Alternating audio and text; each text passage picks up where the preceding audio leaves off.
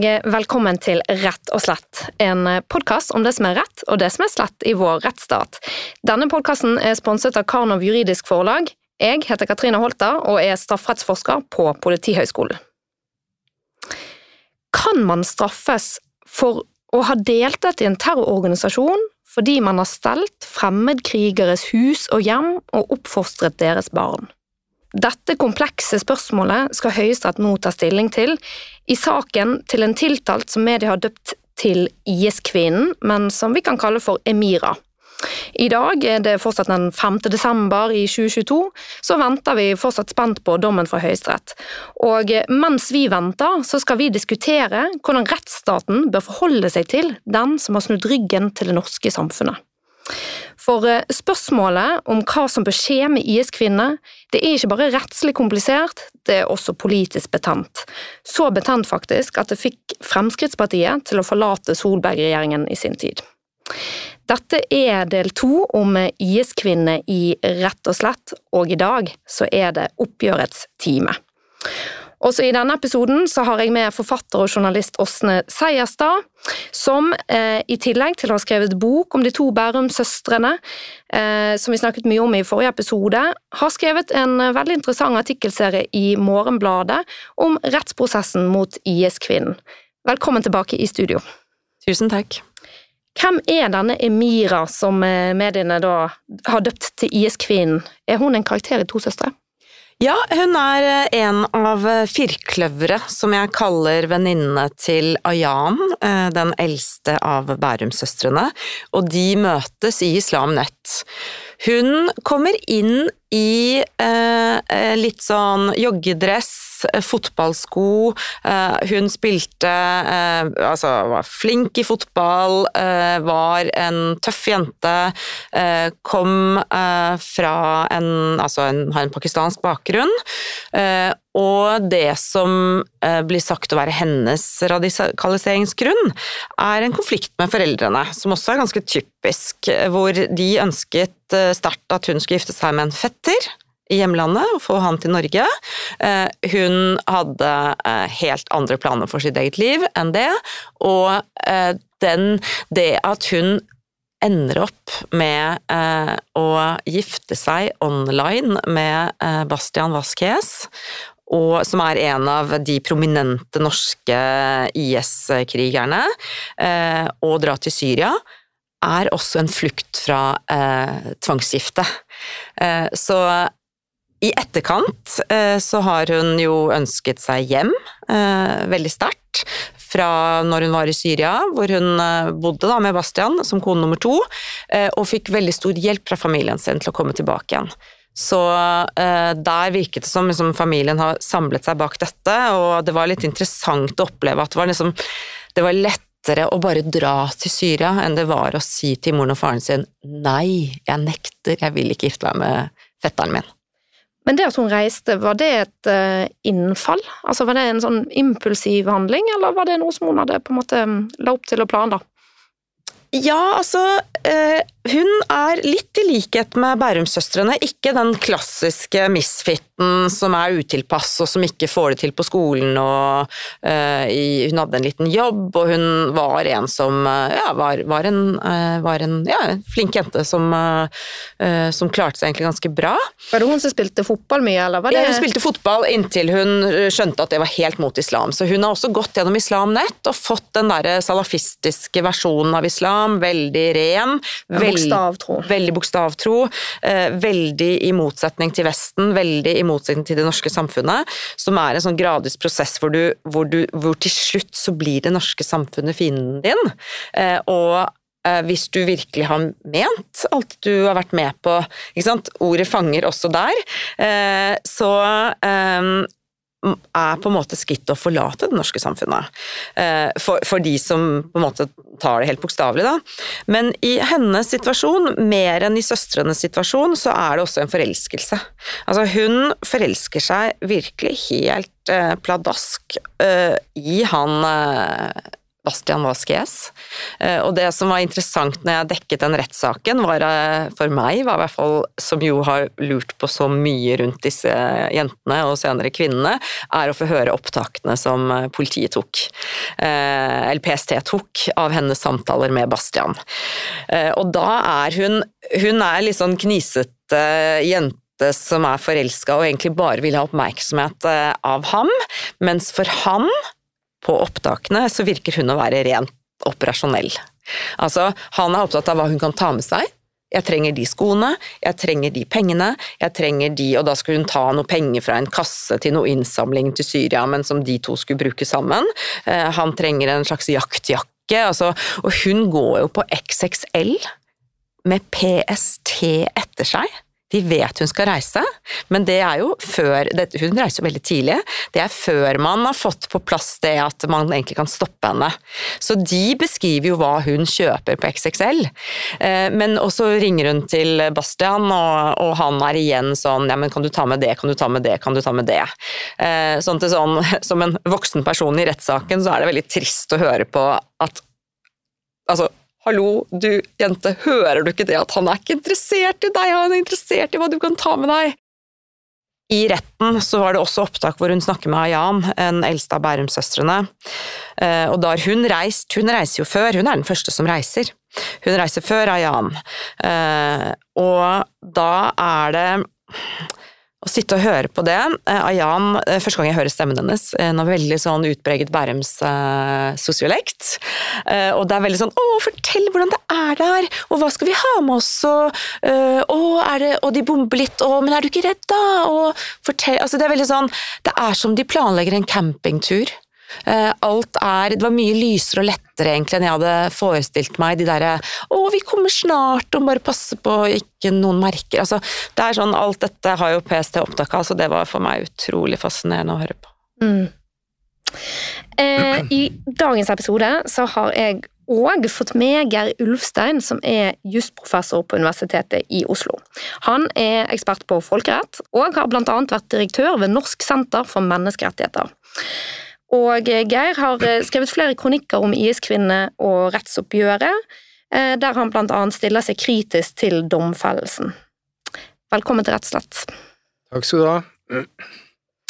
Kanskje du bare starter med å si litt om hvilke forbrytelser IS egentlig har begått, bare sånn at vi får på plass en kontekst her. Ja, Vi har jo hørt veldig mye om de grusomhetene som IS har eh, begått. Eh, alt fra grusomme henrettelser, eh, tortur, men også folkemord. Vi har hørt om jesidiene som har vært utsatt for IS sine grusomheter, og vi har jo også et, en nobelprisvinner for ikke så lenge siden som, som fortalte om jesidi, som fortalte om hva som hadde skjedd. Så det er jo utrolig grusomme handlinger de har begått. Rett og slett folkemord? Folkemord også, ja. Mm. Um, og oppgjøret med IS, altså hvor står det i dag? For det, det er jo jeg har jo skjønt at uh, her er det ganske vanskelig å få på plass f.eks. en sånn internasjonal uh, straffedomstol, som man har gjort ved andre folkemord uh, i historien, og det har sammenheng med, at, altså med storpolitikk og at Russland har støttet Assad-regimet osv. Ja, vi, vi, har jo en internasjonal straffedomstol, som er den faste straffedomstolen, men eh, den har jo begrenset eh, myndighet, eh, kan bare dømme i saker hvor staten har tilsluttet seg domstolen, og det er ikke tilfellet her. Eh, alternativet ville være at eh, FNs sikkerhetsråd henviste saken til eh, straffedomstolen, men der vet vi at noen stater har veto, og som har hindret det å henvise saken til straffedomstolen. Når det gjelder Ukraina, så er det jo snakk om å opprette en spesialdomstol. Det kunne man tenke seg her også. Det, Sverige prøvde litt eh, på det, uten at det var noen stor su suksess. Og, den siste muligheten er jo da at eh, det er nasjonale domstoler som, som eh, og, og påtalemyndighet som iverksetter eh, saker. Eh, det har vært noen saker i, i Tyskland, men det, det, har vært mot uh, regimet i, i, Syria, og, og, jeg vet ikke hvor mye det har vært mot IS-krigere eller IS-kvinner, men, men, det kan komme opp, sånn som vi ser nå, i, i nasjonale domstoler. Mm. Uh, og så har vi på en måte vi har, vi har, egentlig tre ulike grupper her. Vi har fremmedkrigerne. Vi har IS-kvinnene som ikke har selv deltatt i kamphandlinger, Eh, og så har vi barna. Hvordan tenker du rettslig sett rundt disse tre gruppene? Ja, her, her, er det jo forskjellige typer eh, problemstillinger, og, og, til dels også forskjellige regelverk. fordi at vi har jo også dette spørsmålet om statene bør bidra til at disse kommer hjem. Uh, mange av disse kvinnene sitter jo i leire eh, der nede, og, og barna har, har, store vanskeligheter. Eh, sånn at eh, det er spørsmål både om eh, statene bør ta det hjem, og om de har en plikt til å ta det hjem. Eh, og der ser vi at eh, staten har ja, Nå ser det ut til å løsne litt, da, men, men, eh, det eneste eksempelet som vi har i Norge, er jo denne eh, hva kaller vi IS-kvinnen nå? Emira. Emira, som ble hentet hjem fordi at hun hadde et sykt barn. Mens det er ikke noen andre såkalte IS-kvinner som er hentet hjem. Mm. Krigerne er det ikke. Eh, barna, så er det bare eh, barnet til Emira. Eh, vi, vi har en sak som gjaldt Finland, som var for FNs barnekomité. Og hvor FNs barnekomité mente at Finland hadde plikt til å hente hjem barna. Og så har vi hatt det i Den europeiske menneskerettighetsdomstolen, i storkammeret der, hvor det bare de viktige sakene kommer, eh, som gjaldt Frankrike. Eh, men der ble resultatet at eh, ja, Frankrike hadde begått et eh, brudd ved å ikke være aktiv nok med hensyn til å ta eh, en person hjem, men det gjaldt mer sånn prosessting, og, og, domstolen var ikke villig til å si at statene hadde en plikt til å ta hjem alle disse, verken når det gjaldt fremmedkrigere eller, eller eh, mødrene eller, mm. Eh, eller, barna. Så det er litt sånn uklart hvilke plikter eh, statene har til å, å gjøre det. Jeg skjønner. Uh, og så er det jo sånn da at for fremmedkrigerne, så hvis de kommer hjem altså Her kan det jo være uakt, altså, forskjellige typer straffbare handlinger som de eventuelt kan tenkes å bli tiltalt for. Sant? Altså Det kan være um, selvfølgelig deltakelse i terrororganisasjon, men det kan også være faktiske terrorangrep, folkemord og diverse sånn, hvis de har vært med på det. Og så er det for disse kvinnene, da, der er jo spørsmålet primært om de kan dømmes for deltakelse i en terrororganisasjon, eh, der man ser på de ulike typer handlingene som de kan ha begått eh, i forbindelse med dette, som kan være rekruttering, som kan være eh, en kvalifisert deltakelse på et eller annet vis i organisasjonen, propagandavirksomhet, og, og så er det det store spørsmålet, da, hva med husmors, eh, husmorsoppgaver og, og barneoppfostring. Eh, og du skrev jo da en eh, kronikk i Rett24 i fjor, etter at eh, tingrettsdommen falt, for det her var det jo sånn at denne IS-kvinnen Emira hun ble jo dømt i tingretten, eh, og så anket hun til lagmannsretten, og der hun igjen dømt, og nå er det da Høyesterett som til syvende og sist skal eh, ta stilling til dette, og det kan hende at når denne episoden er på luften, så er den dommen allerede ute. Men du skrev da en kronikk i fjor etter tingrettsdommen forelå, der du tok til orde for at eh, IS-kvinnen burde ha blitt frifunnet. Du skriver annet at saken reiser spørsmål om domstolenes evne til å stå oppreist i urolig vær. Vil du utdype hva du mente med det? Jeg, jeg, tror vi skal gå et skritt tilbake igjen eh, i forbindelse med da denne bestemmelsen i straffeloven ble vedtatt, for da var det veldig uklart hva den egentlig skulle omfatte. Og, og det, det, er jo helt riktig som du sier at det er dette her med delta, hva er det for noe? Mm, og Jeg kan bare lese, jeg har paragrafen her, altså det er dagens straffeloven paragraf 136 a. Tittel 'Straff og deltakelse med videre i en terrororganisasjon'.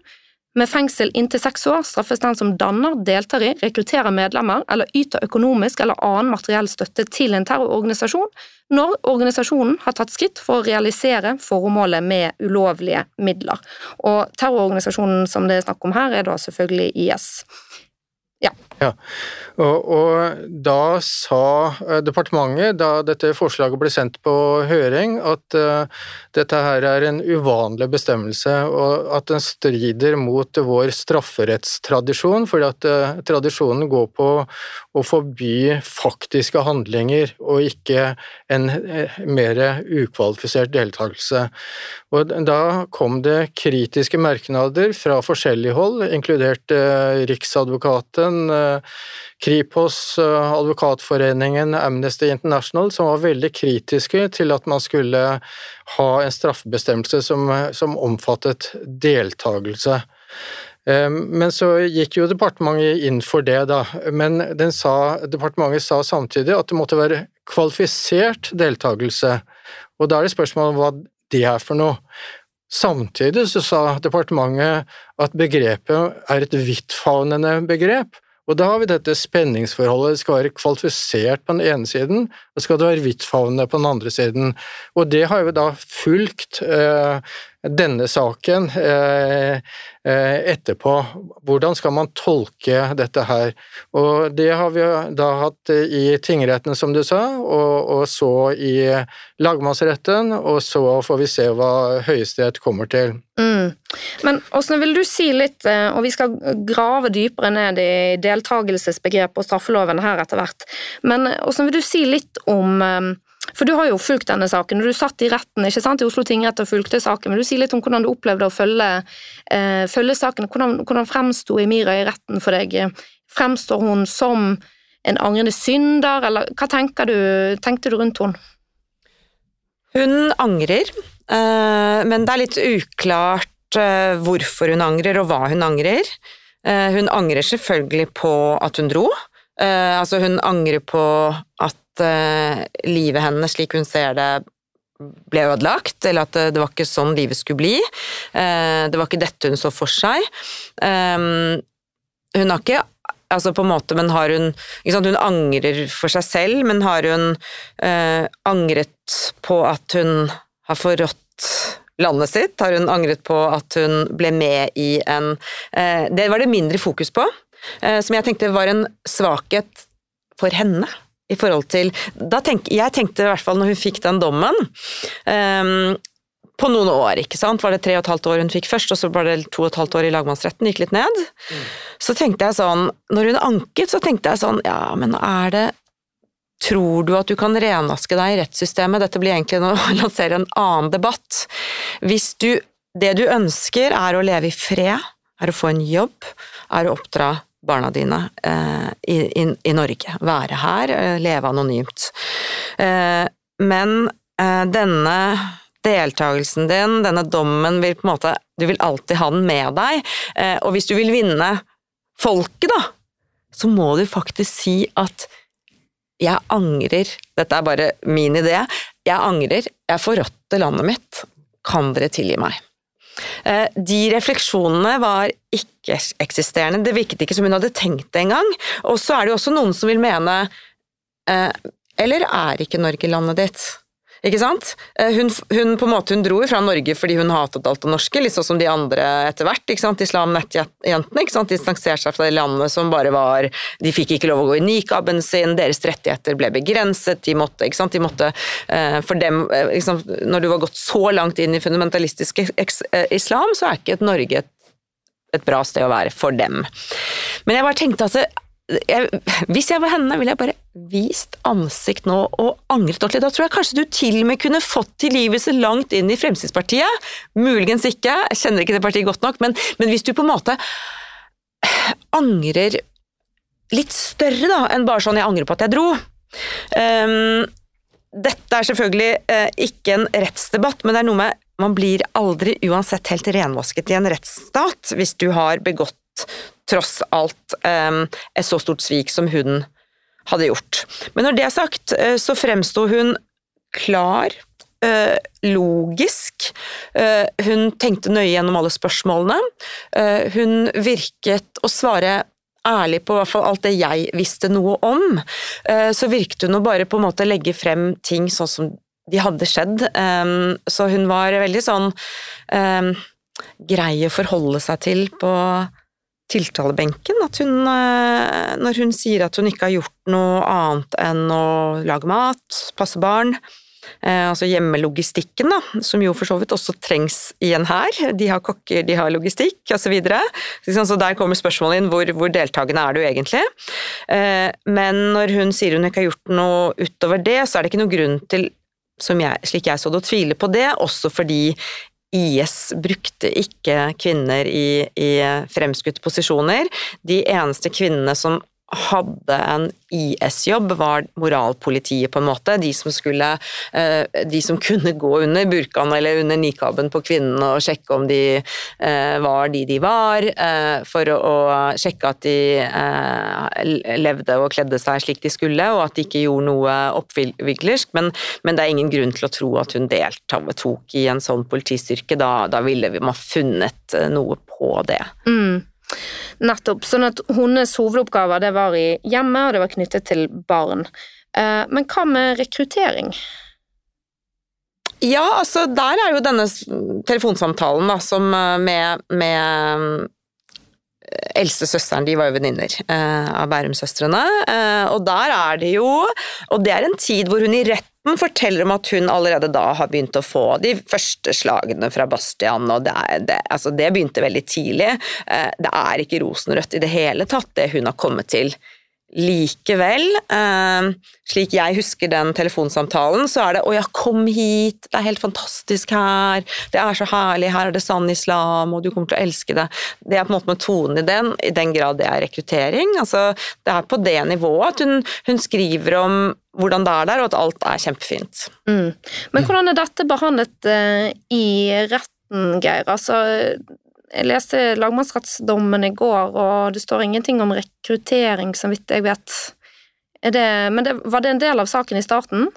Eh, jeg kan ikke se verken i tingrettens dom eller lagmannsrettens dom at eh, de legger vekt på dette med rekruttering, sånn at eh, for meg så virker det som at domstolene mener at det var mer venninnesamtaler, og at det skal noe mer til en type organisert virksomhet for at det skal anses som rekruttering juridisk. Så jeg, kan ikke se at det har vært et stort poeng. Ok, ja, så det vi tar utgangspunkt i her, er altså det, det eh, oppgaver som, som stell i hjemmet og oppfostring av barn. Um, og da er jo det store spørsmålet altså, hva betyr terrordeltakelse? Um, det som eh, står, eller jeg, tror, jeg lurer på om det er Høyesterett som har sagt det òg, at det er jo ikke nok til å være et passivt medlem. Eh, man må være mer aktivt deltakende, og så er det dette med at det skal være den kvalifiserte deltakelse uten at terskelen for det skal være veldig høy likevel. Um, typiske eksempler kan være at man skaffer utstyr, at man bidrar på treningsleirer med opplæring osv. Um, hva tenker du rundt det at hvor, Hvorfor har du en innvending mot at de legger vekt på husmorstell og barn? Ja, eh, som vi har snakket om, så, så i, i, forbindelse med eh, at loven ble vedtatt, så var det dette med at det skulle være kvalifisert deltakelse som skulle være overgjørende. Eh, og det Høyesterett også har sagt i andre saker, er også at det skal være et klarhetskrav i straffebudet for at man skal kunne straffes. Og det har Høyesterett tatt stilling til tidligere i forskjellige sammenhenger. Eh, det er en dom fra 2018 som gjaldt eh, rekruttering eh, til, til terrorvirksomhet, og, og hvor Høyesterett mente at det der var klarhetskravet greit nok, men det er, det er et eh, visst sprik mellom det Høyesterett sier prinsipielt, at det skal være et klart straffebud, og, den praksisen som de har. Og i denne sammenhengen så dette med å være ektefelle eh, til en eh, terrorist, stelle hjemme, føde barn eh, i eventuelt moralsk støtte, var ikke noe som ble drøftet verken av departementet eller av Stortinget da Eh, bestemmelsen ble vedtatt, og det har nok sine naturlige grunner. At eh, på det tidspunktet så hadde man ikke en islamsk stat som eh, behersket et territorium, og hvor man kunne reise som, som ektefelle for å støtte krigerne sine. Sånn at den problemstillingen var ikke oppe i, i, da, da bestemmelsen ble vedtatt.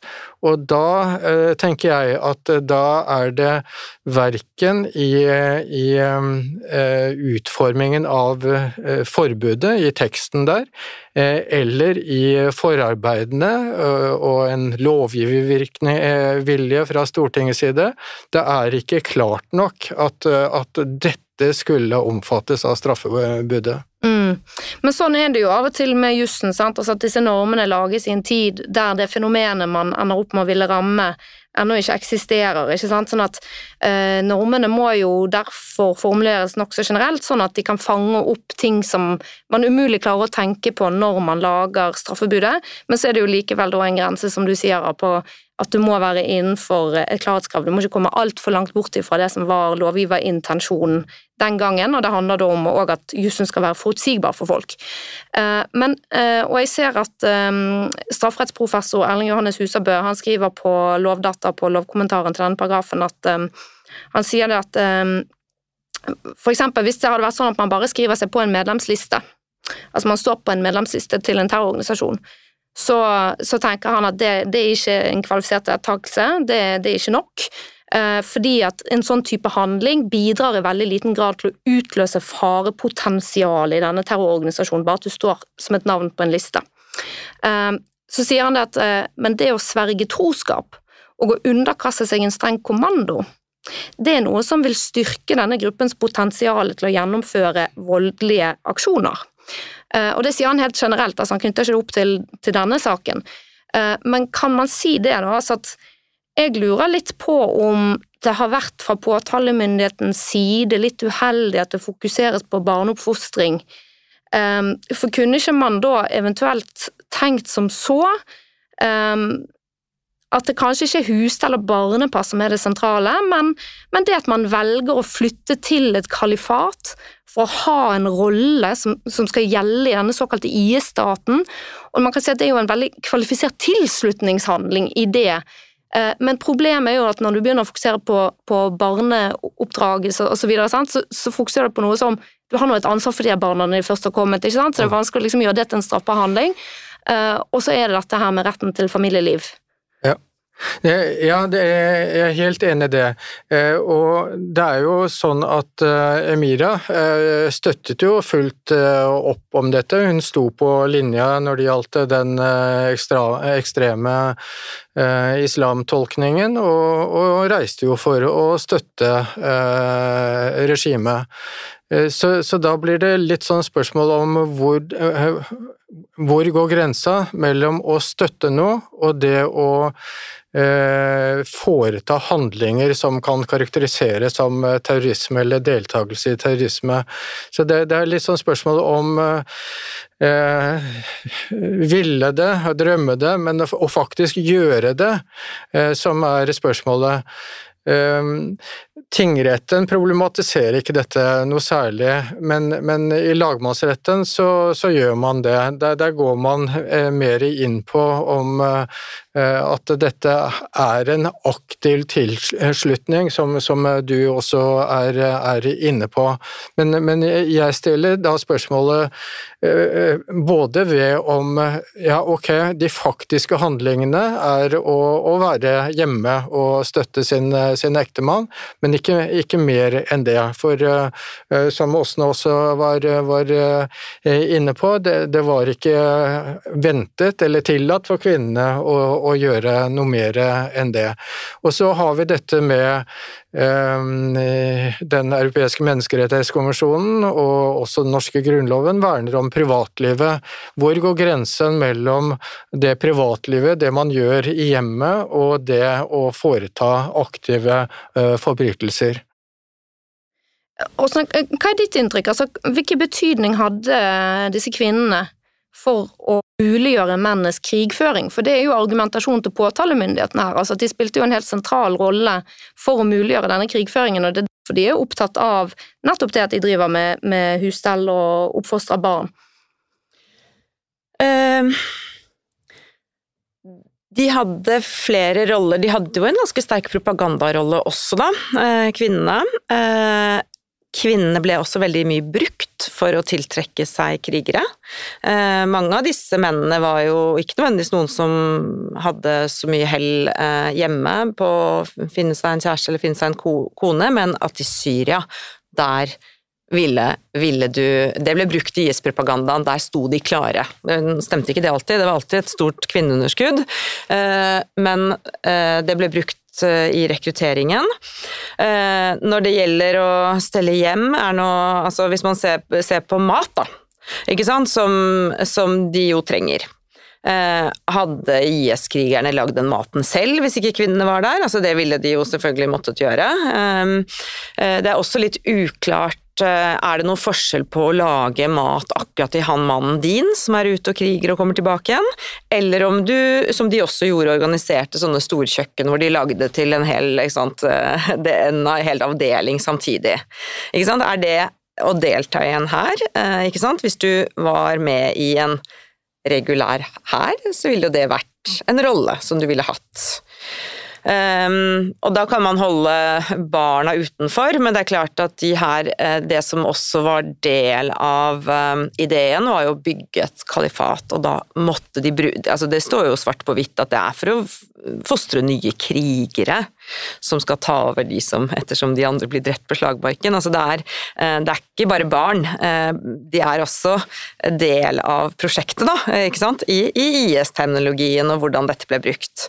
Eh, og nå diskuterer jeg ikke juridisk, fordi det er ikke mitt felt i det hele tatt. Jeg bare ser på noen av de perspektivene. Og så blir det også noe som, som jo krasjer litt her, er vår, um, uh, uh, vår rettsoppfatning, som jo ikke ikke har noen sterk kjønnsdimensjon, ikke sant, du er lik for loven, som da krasjer med IS-systemet, eh, hvor menn har én rolle, og kvinner har en helt annet avsondret rolle, men de har en rolle i IS.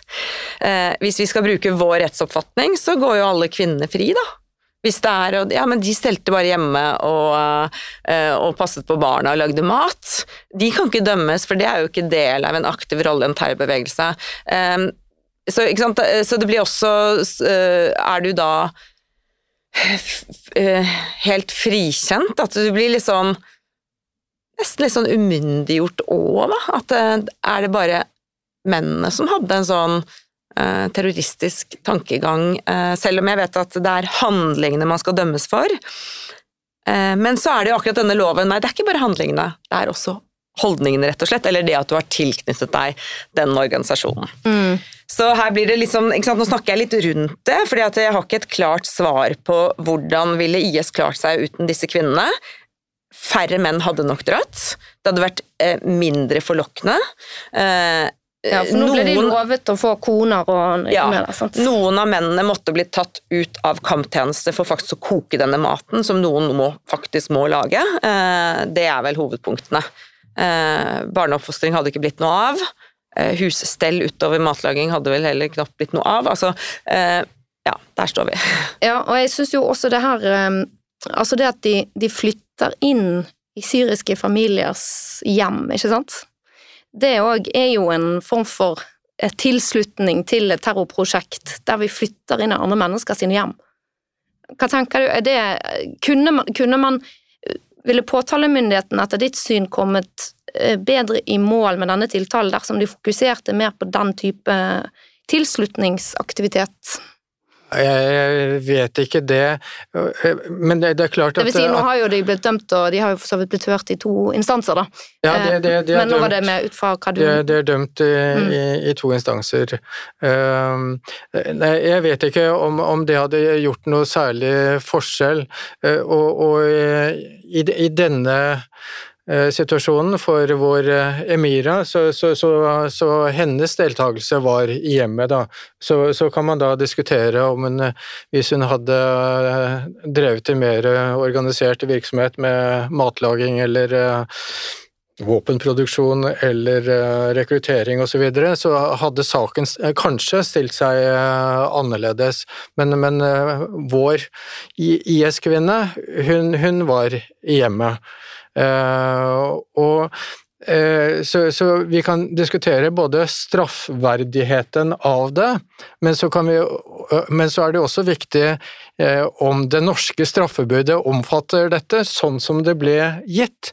Og, og da er jo litt tilbake igjen til, til uh, slutten på den forrige podkastepisoden om rettsstat. Ikke sant? At uh, det, det, er viktig at i Norge så har vi en rettsstat, og det innebærer jo også at det skal være forutsigbart at uh, hvis jeg gjør denne handlingen, så kan jeg få, i, dette tilfellet, så er det to og et halvt års fengsel som uh, lagmannsretten uh, dømte.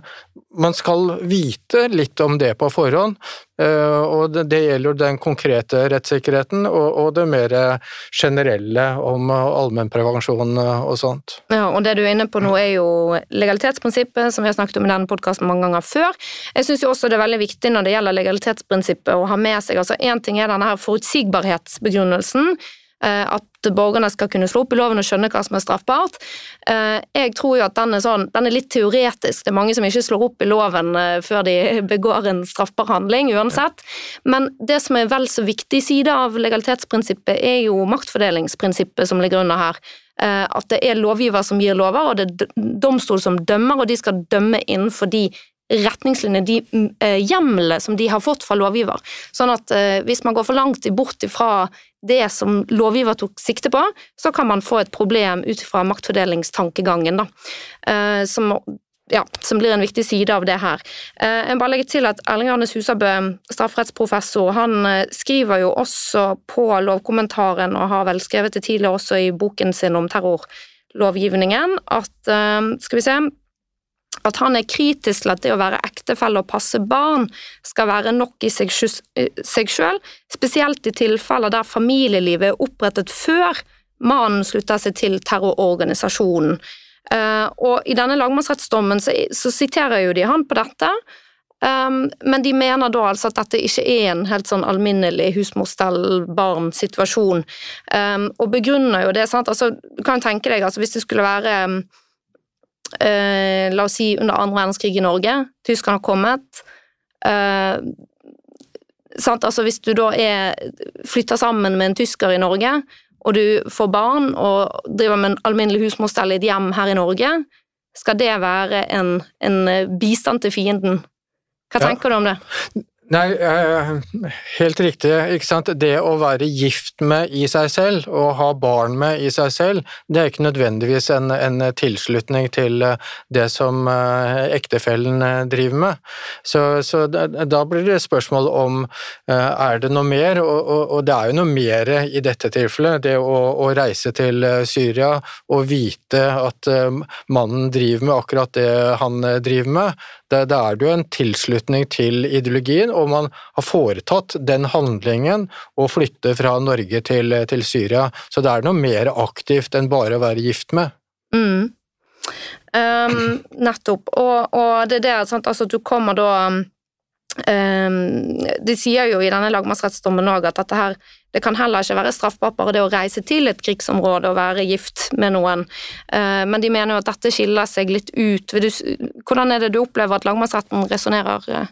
Ja, Der gjør i hvert fall eh, lagmannsretten et eh, forsøk på å, å, si at dette her er noe mer enn bare å være gift med, men, men jeg mener at de, de, går ikke skikkelig inn på dette klarhetskravet, eller ja. dette med at det skal være kvalifisert deltakelse, for det, det, det, det er viktig eh, mm. som begrensninger for, for, straffebudet. Ja, for jeg tolker det litt som at de sier at når intensjonen er sånn som Åsne forklarte i sted, altså at de skulle ha en sentral rolle i dette, så endrer meningsinnholdet, altså intensjon er jo viktig for meningsinnholdet i en handling.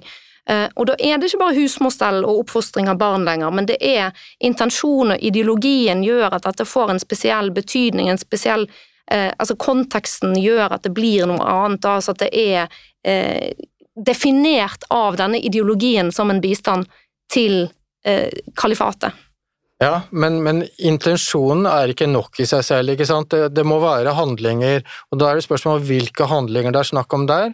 Og, og da er vi tilbake igjen til, til eh, det som var dilemmaet da man lagde denne bestemmelsen, om at det, det, strider med den norske strafferettstradisjonen. Sånn at det, tilsier at man skal være litt forsiktig med å, å, å la straffebudet rekke for vidt.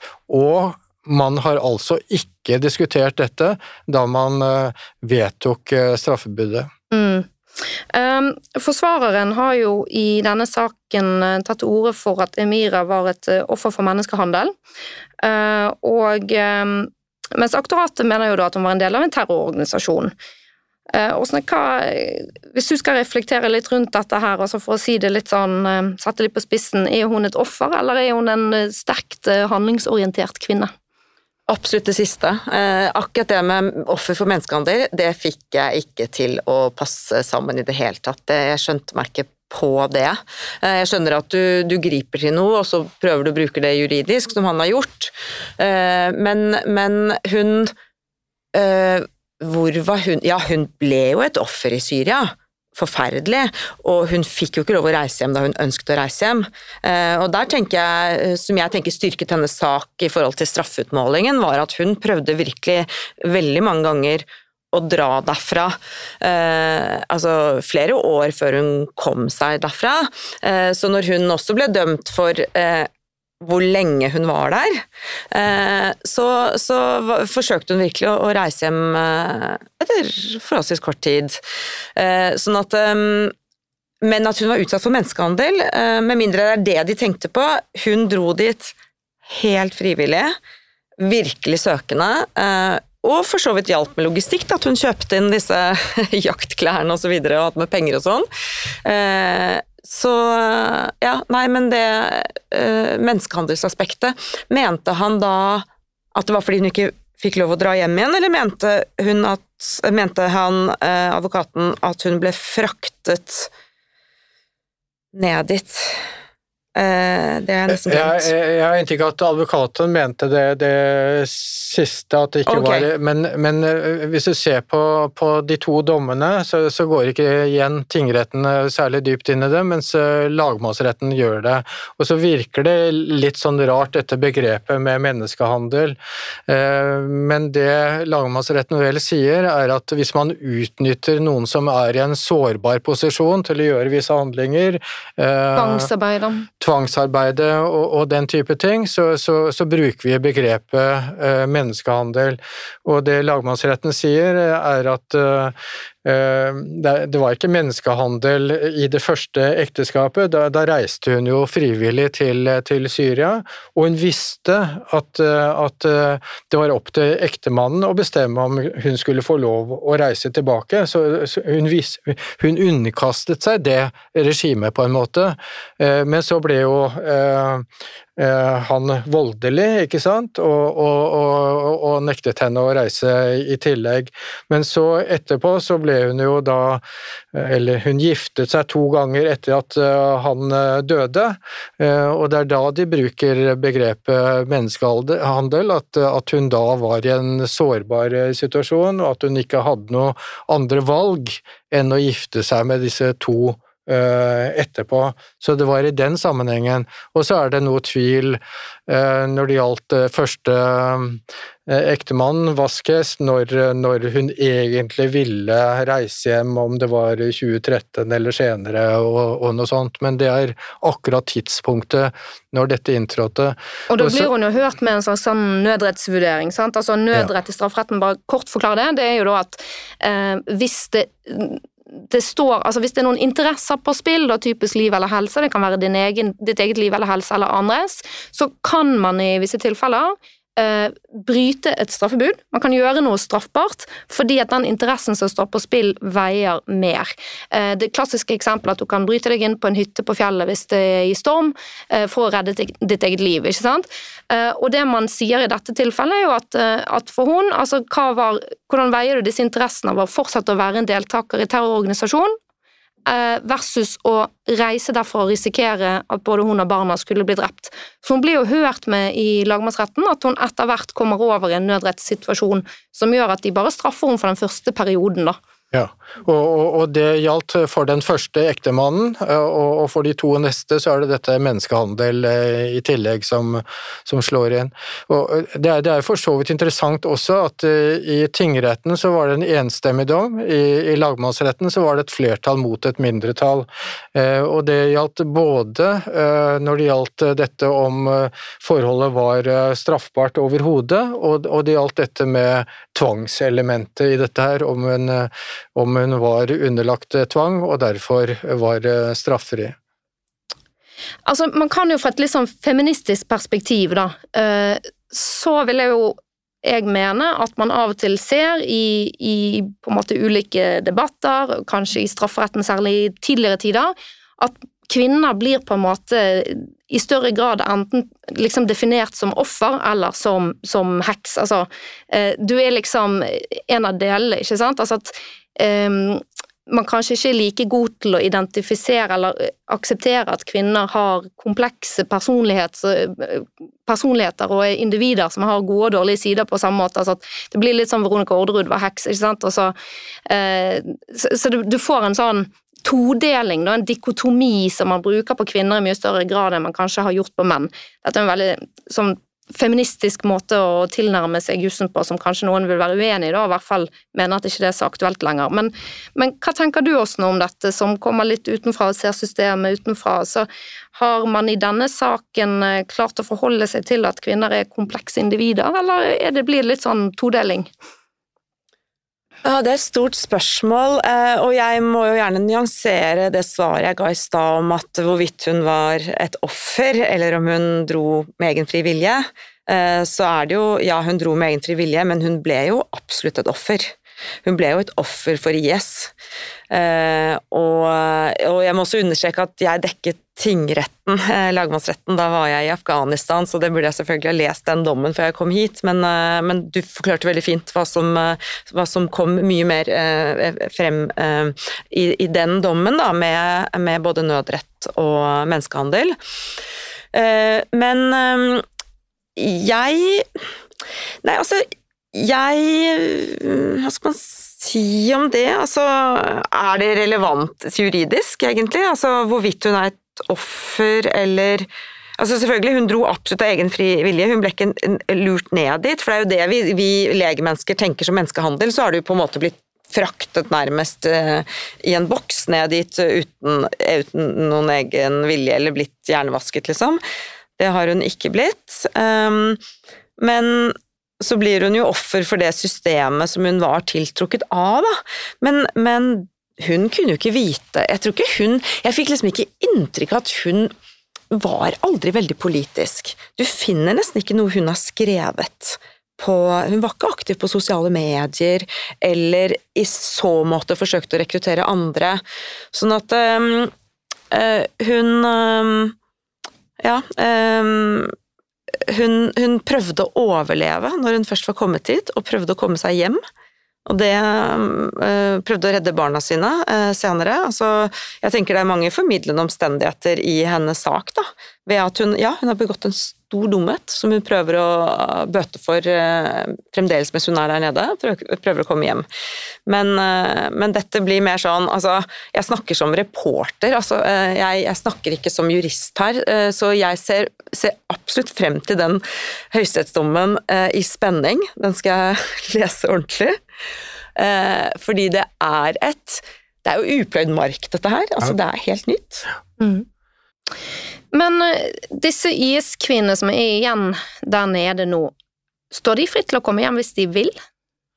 De står fritt til å komme hjem hvis de vil, men det er jo ikke så lett å komme hjem, og selvsagt risikerer de et straffansvar hvis de kommer hjem. Men det er jo et spørsmål om den norske staten burde være mer aktiv med hjemhenting. Man har jo da klart det med vår eh, Emira når man eh, ville. Eh, sånn at jeg vil tenke at det er muligheter til å være mer aktiv fra statens side. Ja, for de er jo tross alt våre statsborgere. De er våre statsborgere, og hvis vi trekker linjer litt langt tilbake til forholdene etter andre verdenskrig, så hadde vi jo to grupper som ikke var særlig populære i Norge. Det ene var eh, frontkjempere som hadde kjempet på tysk side i krigen. Eh, og der var det ja, det var vel en 600 stykker som satt i eh, sovjetiske fangeleirer, og det var spørsmål om å hente hjem dem. Og der fikk man jo opp noe av den samme problemstillingen av forrådt landet, ikke sant. Eh, bør man, bør man hjelpe dem? Men etter hvert så kom man jo til det, at man skulle gjøre det. Man skulle hjelpe hjem både de som sto på riktig side og de som sto på feil side under krigen. Og man hadde også historien om de såkalte tyskertøsene, de som hadde eh, blitt eh, kjærester med tyske soldater, eh, og som ble utsatt for, for Ehm, handlinger fra, ikke fra staten nødvendigvis, men dels fra staten også, med å, at de kunne utvises, men, eh, men, eh, hvor man eh, til, kom til at man skulle beklage det som hadde skjedd overfor disse kvinnene. Mm, for de ble rett og utvist til Tyskland, flere av de ble ikke Ja, nettopp, og, og ble utsatt for mange overgrep av vanlige folk. Eh, så, så, her har vi eksempler på, på, folk som ble oppfattet å ha forratt landet på, på, ulike måter, eh, men hvor man kom til at, eh, at vi, de skal også hjelpes. Og da kan det jo være spørsmål om det er noe tilsvarende i dag, at når vi ser det litt sånn med historisk tilbakeblikk, at, at man kommer til at de burde hjelpes, og det gjelder både kvinner, eh, mødrene, men kanskje også krigerne. De er, som du sa, de er norske statsborgere, de har gjort noe fryktelig dumt, ikke barna, men, men eh, krigerne og kvinnene, men vi har et ansvar overfor dem, og de bør ha bistand. Mm. Og vi, vi, kunne jo trekke linjer til uh, andre som har begått uh, dumme ting i utlandet. Vi har hatt uh, et par kongofarere som har vært på eventyr, og vi vet ikke akkurat hva de har gjort. men der har jo det norske utenriksdepartementet brukt betydelige ressurser på å hente de hjem. Og da, da kan det jo være spørsmål om hva er det som er retningsgivende for at den ene gruppen får støtte og den andre ikke. Vet vi hva andre europeiske land gjør? Driver de og henter hjem nå, eller? Det, det, er eh, mange som nå henter hjem eh, kvinnene. Eh, eh, som, som, får eh, oppslag i, i, internasjonale medier. Så uten at jeg har studert eh, det nærmere, så virker det som Norge er i den passive klassen der. Og hva er det som er holdningen til eh, regjeringen, da? Altså det Barna er velkommen, men, ikke, men vi gjør ingenting for å hente de voksne? Eh, jeg, jeg, har ikke studert, så jeg vet ikke det, men, det, men det, det er jo litt vanskelig å tenke seg å, å bare hente hjem barna, både eh, fordi at mødrene da sannsynligvis ikke vil, og, og om barna skal vokse opp uh, uten mødre i, det, i hjemlandet. Mm. Men det er sånn da kvinner står fritt til å komme, men de må da gjøre det på egen hånd, og de har ikke midler til å reise hjem. Er det sånn? Det er sånn jeg oppfatter det, ja. ja, ja. Ok, eh, og hva tenker du med vårt ansvar overfor barna, da? Jeg, jeg, tenker at eh, barna har jo absolutt ikke gjort, noe galt.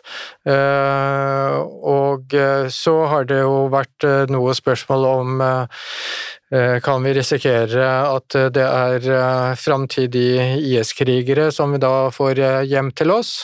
Men da kan man jo spørre at hvis de blir værende i utlandet, så at det er enda større sjanse for at det blir IS-krigere. sånn at igjen så har vi jo et ansvar eh, Barnekonvensjonen, at handlingene skal foretas til barnets beste, og ved å vokse opp i Norge, så, så skulle man tro at de er mindre innstilt på enn å bli IS-kriger i en framtidig krig, da. Mm, for det som har skjedd med denne um, Emira, er vel også at barnevernet har vært der inne og tatt og, og overtatt omsorgen, i alle fall midlertidig. Jeg er litt usikker på om det er på varig basis, men Ja, nei, det, det, det, vet ikke jeg, men at barnevernet i hvert fall er inne der, ja. Mm. Ok, um, jeg er helt enig i det, og jeg tenker at uh, det er litt sånn litt kortsiktig, da og, og, la disse kvinnene og fremmedkrigerne bli igjen der nede. fordi at uh, hvis ikke man tar et ansvar for dem, får de hjem, får et oppgjør, ikke minst et rettslig oppgjør, uh, og, og, kan ha et, på en måte et apparat, prøve å ha et apparat rundt dem så, og sånn, så, så kan vi møte dem igjen som krigere med et voldsomt hat mot europeiske land i fremtiden, altså. Uh, I alle fall en del av disse fremmedkrigerne. Ok, ehm, vi har kommet til den eh, avsluttende spalten, og eh, Åsne løp av gårde her i sted, men eh, Geir, vil du fremheve noe du synes er rett eller slett i vår rettsstat? Jeg, tenker jo i, i, forlengelsen av det vi nettopp eh, snakket om, at, eh, at, den norske stat bør vise en større grad av raushet overfor de som gjør eh, dumme ting i utlandet. Og det er mange av oss som kan gjøre dumme ting, men, men vi, trenger eh, å, å, stå til ansvar for det. Men, men, også å få noe hjelp til å komme ut av en vanskelig situasjon, og at man ikke bør gjøre forskjell på folk ettersom som eh, eh, hvem de er og, og hva de har gjort. Eh, og, og, så tenker jeg jo også at du var inne på denne maktfordelingen mellom at det er Stortinget som gir lover, og det er domstolene som skal håndheve dem. Og det at det er et press og lite sympati for både IS-krigere og, kvinnene deres, det må domstolene stå opp imot. At man, eh, at man, eh, Vi skal ha så sterke domstoler, eh, vi skal ha en rettsstat som, som er villig til å dømme bare på grunnlag av strafferetten, og ikke de politiske holdningene, enten de er i Stortinget eller i befolkningen for øvrig. Mm. Takk for det, og da får det bli siste ordet i dag. Vi venter jo spent på denne høyesterettsdommen som kommer. Det er mulig vi har snakket litt om kanskje at vi kan spille inn en eh, liten oppfølgerepisode, en del tre, om denne dommen når den foreligger. Det får vi eventuelt komme tilbake til, jeg lover ingenting nå. Men uh, tusen takk til dere lyttere som har fulgt med i disse to episodene om IS-kvinnene. Uh, jeg har iallfall lært ganske mye nytt i dag, og det håper jeg du også har. Takk for i dag.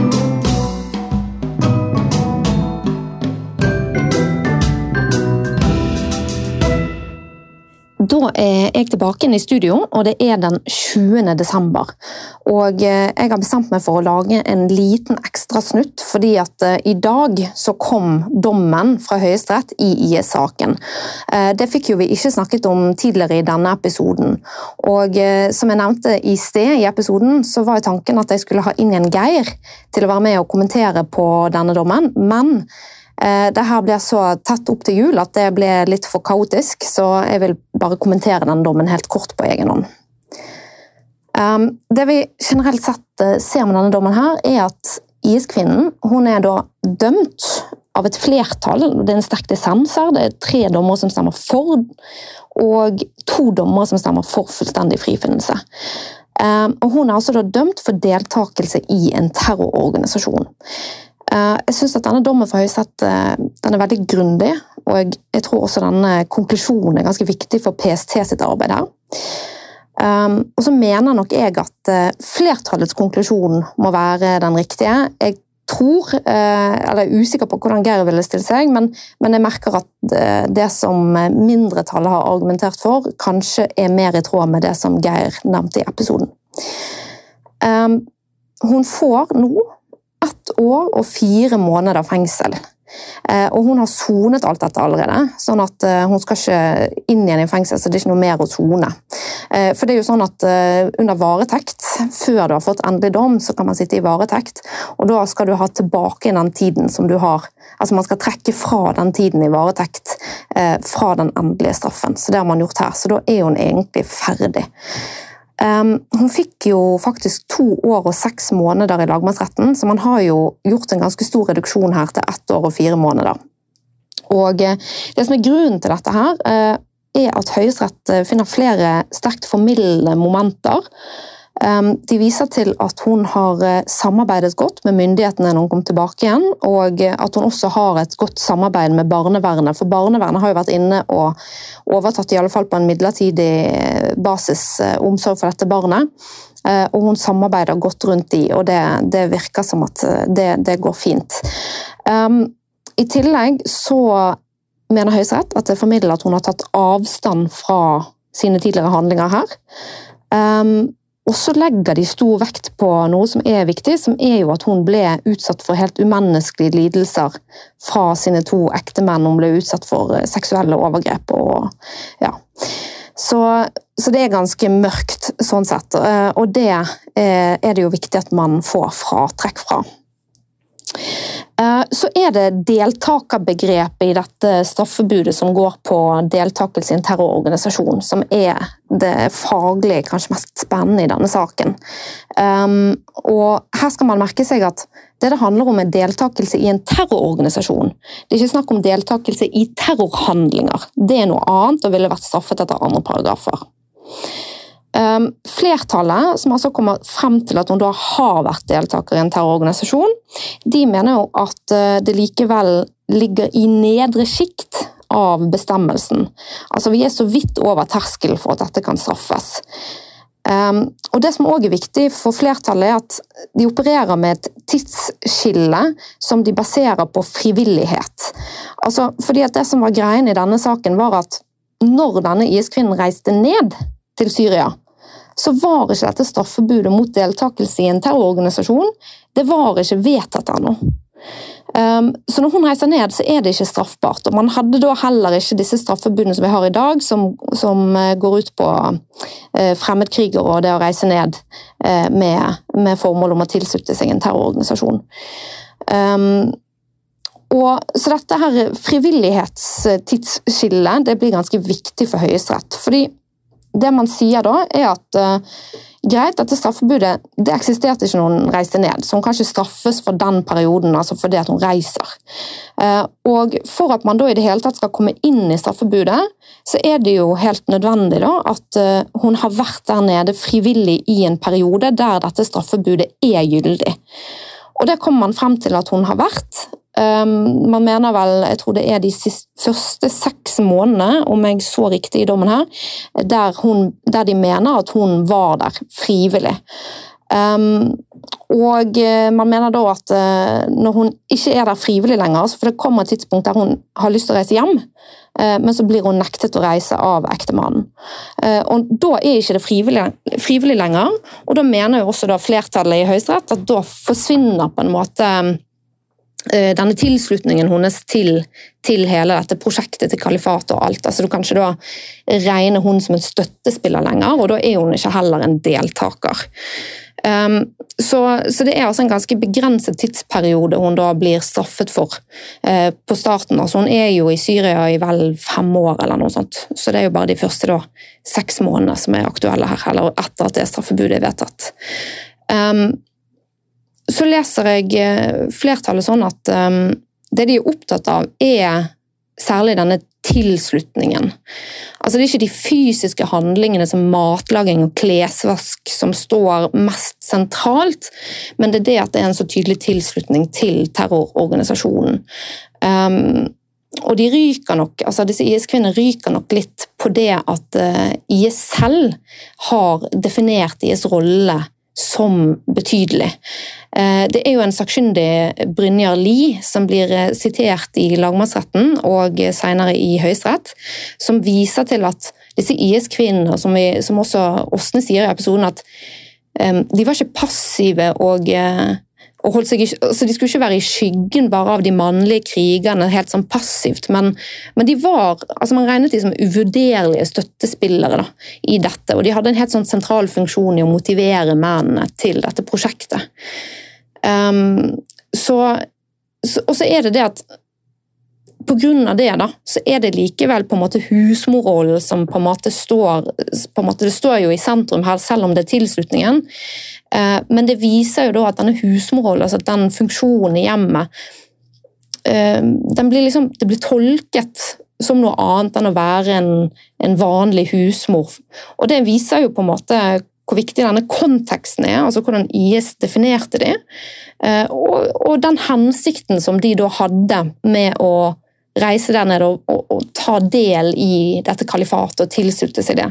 Så Det sier igjen noe om hvor viktig hensikter er for den meningen som vi vil tillegge en handling, eh, og som er noe som jeg bl.a. har skrevet om i en artikkel som ble publisert nå om eh, som handlet om knivstikking og drapsforsett, som ble publisert i Tidsskrift for strafferett nå eh, like før helgen, for de som er interessert i det, som handler om fortsettslæren. Um, fordi at eh, flertallet mener at eh, hun ikke lenger kan regnes som en deltaker når hun ikke er der frivillig, altså etter at hun har forsøkt å komme seg hjem første gang. Eh, så finner ikke de grunn til å gå inn på disse spørsmålene om nødrett eller om hun er offer for menneskehandel. Så det, på en måte, det faller på at hun da overhodet ikke er deltaker. Så du trenger ikke å gå inn på sånne rettferdiggjøringsgrunner eller unnskyldningsgrunner, som man kaller det i strafferetten. Altså grunner til at du ikke skal straffes likevel når noe i utgangspunktet er straffbart. For dette her er du når det ikke lenger er frivillig, så er hun ikke i det hele tatt inne i straffebud lenger. Hun er ikke en deltaker. da. Um, Mindretallet i Høyesterett eh, vil som nevnt frifinne for alt. Eh, og de begrunner det særlig med at um, altså De mener at det er en for stor avstand mellom kvinnenes rolle som husmor og terrororganisasjonen sin virksomhet. Eh, mindretallet skriver bl.a., og dette er et sitat, at eh, det å straffe utførelse av husarbeid betyr dessuten at man straffer det å leve i et vanlig samliv. For å unngå straff må gjerningspersonen eh, Nei, må, unnskyld. For å unngå straff må personen det gjelder, i praksis avslutte samlivet hvis det er mulig.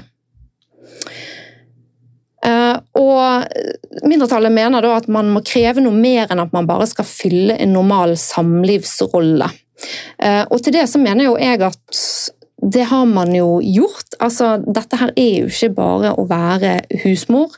Eh, dette er jo noen som har reist og tilsluttet seg eh, et kalifat og inntatt en aktiv rolle, og ikke minst at de har valgt å underlegge seg en kommando til, til dette regimet. Og det er jo noe som er egnet til å bidra til å realisere farepotensialet i en terrororganisasjon. Altså det at de har på en måte undersått av folk som kommer inn og tar roller i dette og underlegger seg denne kommandoen.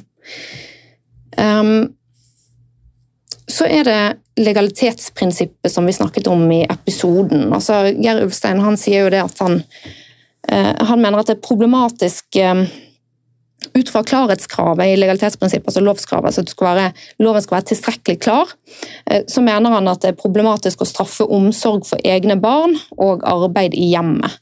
Og Det samme kommer også mindretallet til i Høyesterett. Eh, og De peker da på, og det syns jeg er veldig fornuftig, at eh, klarhetskravet det må stå særlig sterkt ved, ved store inngrep i privatlivet, sånn som her, altså der, der det er et spørsmål om å straffe oppfostring av egne barn og, og husmorarbeid. Um, flertallet i Høyesterett ser ikke et problem opp mot legalitetsprinsippet eller klarhetskravet. De mener at det vil ikke komme i konflikt. Um, og de, at, de viser til å argumentere med at lovgiver, når de vedtok dette straffebudet om deltakelse i en terrororganisasjon, så hadde ikke de noen forutsetninger for å vurdere rollene til husmødre. Så det var på en måte ikke et fenomen som var eh, så etablert på det tidspunktet, eller var etablert i det hele tatt. Um, virker det som at Høyesterett mener, uh, uten at jeg har dobbeltsjekket når dette begynte å skje. Men uh, da viser flertallet til at denne tausheten til lovgiver det kan ikke tolkes som at lovgiver ikke mente å ramme det. Um, altså Denne tausheten kan ikke tas til inntekt for noen ting. Um, jeg er jo da litt sånn dels enig med flertallet og dels enig med mindretallet. Uh, jeg mener at lovskravet ikke står i veien for å straffe IS-kvinnene for sin tilslutning til organisasjonen. Um, jeg tenker at det det handler om, er jo at altså som vi snakket om forutsigbarhet, altså Man skal kunne slå opp i loven og vite om noe er straffbart. Og Hadde man f.eks. gått ut på gaten gjort en undersøkelse, spurt folk om de tenker det er naturlig at kvinnene som reiser til Syria, deltok i en terrororganisasjon, så tror jeg eh, ganske mange ville sagt, sagt eh, ja til det. Eh, ikke nødvendigvis fordi at de var husmødre, men fordi det var en så tydelig tilslutning til dette kalifatet, og at de inntok en rolle i det. Altså, de har ikke bare vært et navn på en medlemsliste, et passivt medlem. Eh, da kunne jo man sagt at ikke det er snakk om en kvalifisert deltakelse, men de har jo eh, gjort mye mer enn det. Altså, de har jo reist og inntatt denne rollen. Men jeg mener da kanskje at flertallet hopper litt, litt bukk over dette her òg, fordi at for særlig dette som gjelder med oppfostring av barn. og det er jo viktig å legge til her at Flertallet de kommer til at oppfostring av barn det kan man ikke straffes for. Uh, og Det handler jo om at barnets beste skal stå sentralt, og det hadde jo vært um, hva skal man si, altså De skriver ikke dette på den måten, men, men sånn som jeg ville sagt det, altså I strafferetten så er det sånn at man skal normalt uh, kunne peke på en alternativ handling for å kunne straffe noen. altså Du skal liksom kunne forvente at de skulle gjort noe annerledes. Um, og har du fått de der barna, så må jo du nesten uh, ivareta de, altså Du må jo ta ansvar for barna dine. Uh, så du kan liksom ikke, rettsstaten kan ikke sitte og forvente at ikke de skal passe på barna sine. Uh, og da blir det jo helt, mener jeg, ville vært helt absurd om vi skulle straffe de for barneoppfostring. Og det, det, det, mener jo heller ikke flertallet, så de holder det helt utenfor. Så det er husmorrollen sett bort ifra dette med barneoppfostring som de da ser nærmere på i tilknytning til denne støtten da, eh, og tilslutningen. Så det tenker jeg er greit. Um, men jeg mener at eh, flertallet kunne nok altså, Allerede på klarhetskravet, allerede på legalitetsprinsippet, så før vi kommer inn i om det er en deltakelse, så, er, så syns jeg det er eh, problematisk da, um, å si at oppfostring av barn skulle vært i tråd med um, å straffe for det. altså Det skulle vært en forutsigbarhet knyttet til at oppfostring av barn var straffbart. Uh, og Det er jo også fordi det ville vært såpass oppsiktsvekkende. Det tror jeg ikke folk på gaten ville svart ja til. Uh, at uh, Hvis man hadde spurt om IS-kvinnene ved å oppfostre sine barn deltok i en terrororganisasjon, eller ved å ta vare på barna sine var en deltaker eller utøvende en deltakelse, så tror jeg mange ville sagt nei.